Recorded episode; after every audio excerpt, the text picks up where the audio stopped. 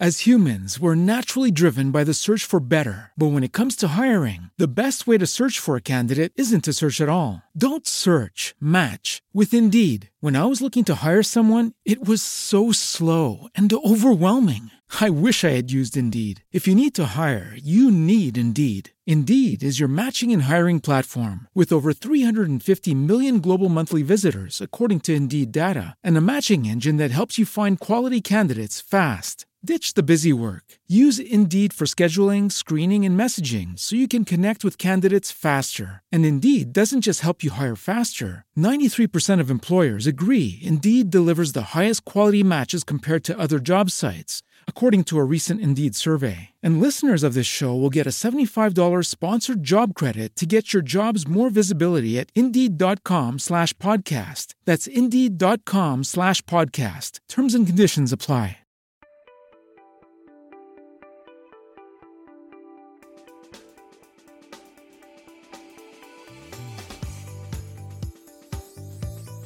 Witam Cię serdecznie w podcaście Swojski Język Polski.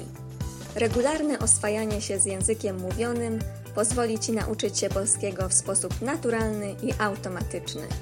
Wkrótce sam będziesz mówił płynnie w języku polskim. Miłego słuchania!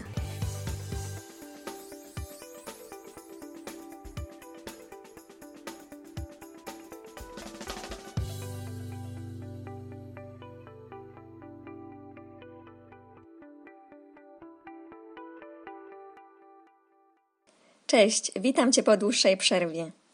Mam nadzieję, że humor Ci dopisuje. Czy ostatni odcinek podcastu przesłuchany? Dzielę się w nim dziewięcioma faktami o mnie i zachęcam Cię do podzielenia się kilkoma faktami o Tobie. Poznajmy się lepiej. Tymczasem dzisiaj chciałabym opowiedzieć Ci o jednym z najważniejszych wydarzeń artystycznych w Polsce. Jest nim międzynarodowy konkurs pianistyczny imienia Fryderyka Chopina – potocznie nazywany konkursem chopinowskim. Jak podaje Wikipedia, jest to jeden z najstarszych i najbardziej prestiżowych konkursów muzycznych na świecie. Wyróżnia go to, że wszystkie wykonywane w czasie konkursu utwory są autorstwa polskiego kompozytora Fryderyka Chopina. O Chopinie opowiadałam Ci już w dziewiątym odcinku podcastu pod tytułem Znani Polacy – w skrócie jest to najbardziej znany polski kompozytor i pianista. Żył na początku XIX wieku. Konkurs jego imienia odbywa się co pięć lat w Warszawie. Niedawno odbyła się kolejna edycja konkursu Chopinowskiego.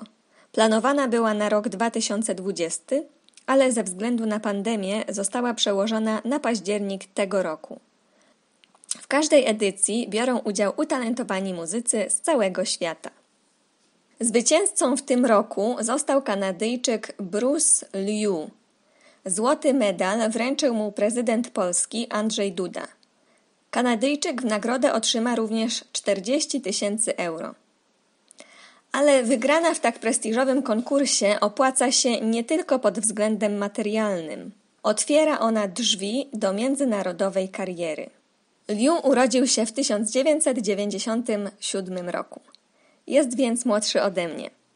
Nie jest on jednak najmłodszym zwycięzcą konkursu Chopinowskiego w historii. Najmłodszym laureatem był osiemnastolatek Li Yundi, pochodzący z Chin. Zajął pierwsze miejsce w 2000 roku. Czasami w konkursie wygrywają też Polacy. Na przykład w 2005 roku pierwsze miejsce w konkursie chopinowskim zajął Rafał Blechacz. Pochodzi on z tego samego województwa co ja. Wkrótce po sukcesie w konkursie chopinowskim Rafał Blechacz otrzymał wiele nagród i wyróżnień oraz dał wiele koncertów, między innymi w moim mieście rodzinnym Toruniu. Byłam wtedy w liceum i moja mama akurat dostała od znajomej wejściówki na jego koncert. Pamiętam, że zwolniłam się wtedy z lekcji, żeby móc uczestniczyć w tym wydarzeniu.